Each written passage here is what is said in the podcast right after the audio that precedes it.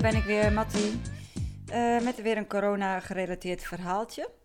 Het is vandaag, even zien, uh, woensdag 4 augustus, half zeven in de avond. En ik dacht ineens, laat ik maar weer eens wat gaan inspreken. Deze dag, ik had vandaag een beetje een rotdag. Uh, ik zit heel erg te zoeken naar hoe, ja, hoe ik nou het beste kan aansluiten bij mensen die eigenlijk niet, um, ja, niet echt interesse hebben, zeg maar, om, om het een en ander te onderzoeken. Dus ik probeer eigenlijk al constant heel erg te letten op uh, nou, dat het niet polariserend is wat ik doe. Dat ik het zo laagdrempelig mogelijk uh, maak om informatie te delen. Zoals nu heb, dan bied ik bijvoorbeeld mijn e-book aan en dan ook gratis aan. Hè, voor als mensen dat misschien, dat, dat tientje, dat dat misschien dan um, het obstakel is. Maar zelfs als ik het gratis aanbied, ja, dan, dan wordt het, het, is, dan, het leeft niet. Het is gewoon iets wat niet. Of ik doe daar iets verkeerd in, of het is uh, iets, ja, qua timing, dat het nu ook niet de tijd is. Omdat het een beetje vakantieperiode is en ja, en mensen zijn natuurlijk ook nogal corona moe. En dat snap ik eigenlijk ook heel goed. Dus ik ben daar aan het zoeken, zoeken, zoeken, zoeken, zoeken in mijn hoofd. Dus ik had van de, gisteren had ik dan hier in de liften uh, een A4'tje opgehangen met de QR-code van het e-book. En dan merk ik ook dat ik best wel gelijk ook heel erg onzeker word. Ik dan denk, oh jee, wat zullen mensen hiervan vinden? En um, ja, dus, dus dat, dat, en dan, weet, dan, dan moet ik daar gewoon ook gelijk doorheen. En dan denk ik, ja, maar mensen vinden er allemaal wel iets van. En ik moet dan leren dat ik, uh, dat ik daarboven ga staan. Maar dat lukt nog niet helemaal, maar het, is ook een proces. En ik heb echt wel dagen dat ik zelf wat moedeloos word. Dat ik dan, ja, dat ik het dan even niet meer overzie van, ik heb in mijn beleving zoveel geprobeerd. Vanaf uh, april 2020 tot nu toe veel korte tekstjes erover geschreven, gedichtjes gedeeld. Mijn eigen long covid, die, daar ben ik ook heel open over. En dat is er ook. Dus ik, ik kies niet één kant van het verhaal. Ik probeer ook niet te oordelen maar, of mensen wel of niet gaan laten vaccineren en meedoen aan die anderhalf meter uh, maatschappij. Maar wel uh, ja, de andere kant te laten zien van wat dit dan op lange termijn voor impact gaat hebben. En die impact weten ze hè, vanuit de regering nog heel goed een soort van onzichtbaar te houden. Maar dat, dat is ook het, uh, het logische waarom mensen nu denken: ja, het zal wel. Hè, wat je te melden hebt, het zal wel. En aangezien het ook zo snel in die twee kampen zit, dus, dus is het zo de, zo de kunst om dan in het midden uit te komen. En dat doe ik echt zo mijn best voor, echt. Maar het is nog wel. Um, ik denk dat het ook erg te maken heeft met timing. Want kijk, als ik nou wist dat mensen het boek zouden hebben gelezen. En, en dat dan vervolgens niet goed zouden vinden. Maar ik weet dat dat niet zo is. Want als je het wilt lezen, dan, dan ik weet wanneer mensen het wel of niet hebben gelezen. Want of je moet het even kopen. Of uh, je stuurt me een mailtje en ik stuur het je gratis op. Dus zolang dat niet gebeurt, ja, dan hoef ik niet onzeker te zijn over de inhoud van zo'n e-book. Want dan weten mensen ook helemaal niet wat erin staat. En ik, toen ik het e-book zelf maakte, was ik daar zo vol van. En het was zo'n proces. En ik had zo'n gevoel van urgentie. Waardoor ik het echt op een gegeven moment ben gaan afraffelen. Want ik dacht, dit moet gewoon nu de wereld in. En uh, nou, gelukkig heb ik het alsnog de puntjes op de i kunnen zetten. Dus uh, de spelling is over het algemeen uh, toch ook helemaal goed gekomen. Dus daar ben ik allemaal heel blij mee. Dus het zit hem niet in de inhoud. Het zit hem er dus in dat mensen ja, dat het niet leeft, dat ze corona moe zijn, dat het misschien te bedreigend overkomt. Want ja, als je meer weet, dan, dan moet je daar wat mee.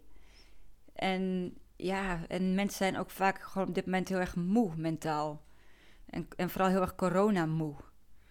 Kijk, en dan ben ik, ik zit dus heel erg in het gevoel van urgentie. Van er moet nu wat gebeuren. En ja, want ik bedoel, dan komt straks weer de volgende persconferentie over een paar weken, maar dan is het ook alweer bijna herfst.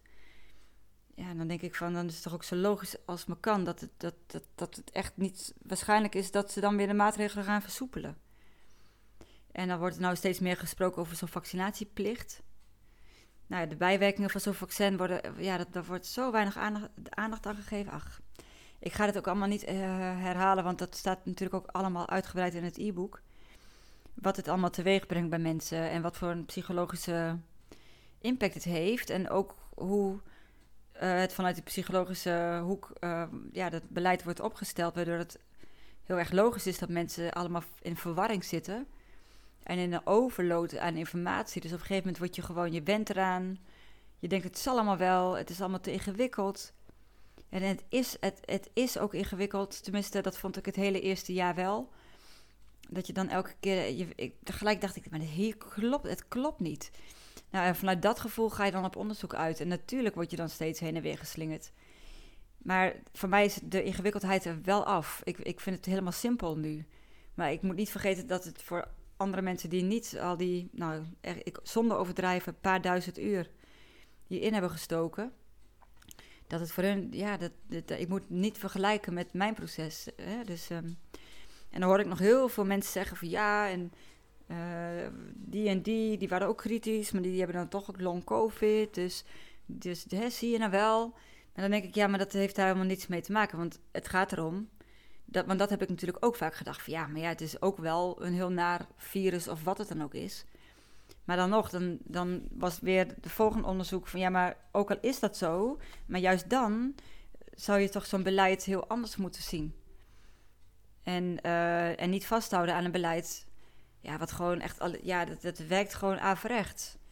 En met de schade aan, aan de kant door de maatregelen is, is zo heel groot. En dat, dat is dan allemaal ineens niet belangrijk. En het woord preventie, ja, dat zou je dan toch voorop moeten, moeten zetten als je minister bent van volksgezondheid. In plaats van daar eigenlijk totaal niet over te praten en dat hele verhaal van ventileren, dat ja, god, nou, dat hebben ze eindelijk nu. Een beetje dat het nu ook naar voren komt en in de basis, of in de basisdingen worden meegenomen. Terwijl ik dan denk van ja, maar dat is leuk en aardig. Maar dan moet je het ook wel echt erkennen, hè? Zo'n ventilatie van hoe. En dat niet een kwartiertje per dag ventileren, dat, dat gaat nog steeds nergens over. En als je dat niet goed aanpakt en je bent bang voor die besmettingen, ja, dan, dan zullen die besmettingen blijven komen. En als je dan niet werkt aan het uh, sociale leven gezond te houden en de maatschappelijke problemen ook uh, nou, juist voor op te zetten in zo'n beleid, en de uitgestelde zorg en uh, de voeding, samenleving, gewoon families, ruzies, polarisatie. En in plaats daarvan alleen maar praten over vaccineren, vaccineren, vaccineren, vaccineren. En ja, testen, testen, testen, testen. Maar die PCR-test, dat is al lang bewezen dat dat niet geschikt is voor zo'n virus als corona. En ik wil daar met alle liefde ook alle, links bij uh, geven aan mensen, maar dat is de volgende stap, denk ik. Maar alles is er, alles is te vinden. En ik, ik snap dat mensen denken, ja, het zal allemaal wel en ik ben er klaar mee, ik ben er moe van. Terug naar normaal, allemaal prikken en klaar. Maar door, door dat prikken, ja, daar komen ook gewoon heel veel heftige bijwerkingen van. Waarvan het is echt een prik die tot 2023 in de testfase zit. En dan kun je wel roepen van complottheorie en wappie. Maar dat is, dat is gewoon niet waar, want het is gewoon een feit. Het feit is, die liegen niet. Feiten die zijn er. En die zijn gewoon te vinden op het hele internet. En op de goede sites. Op, op nou goed, RIVM-achtige sites. Maar er wordt niet over gesproken. Nu is het dan voor het eerst dat ze zeggen: Oh, nou, er zijn eh, meer dan duizend meldingen binnengekomen van ernstige menstruatieproblemen bij jonge meisjes. Dus dat gaan ze dan nu onderzoeken. Maar dan denk ik, er zijn zoveel dingen niet gemeld. Zoveel dingen worden niet gelinkt aan, het, aan, het, aan de prik. Nou ja, dus ik, ik hou vooral mijn hart vast wat daar achterweg komt. En dan denk ik, we zijn allemaal zo panisch voor corona, maar niet panisch voor zo'n prik. En dan denk ik, en als je hem hebt gehad, eh, is wat het is. Maar eh, wil je dan zo'n prik jaarlijks? Wil je, je je lichaam dat aandoen? Nou, en dat soort zorgen. Maar de 10 minuten heb ik bijna alweer vol, dus ik ga ook weer stoppen. En uh, nou, ik zal proberen om de volgende podcast eens een beetje gezelliger en vrolijker te maken. Misschien eens een keer wat meer oplossingsgericht. Dus ik stop nu deze en dan wil ik zeggen een hele fijne avond en bedankt voor het luisteren. En wil je meer weten, kijk op mijn website mattiesmaatwerk.nl. Dankjewel. Joep. Doei doei.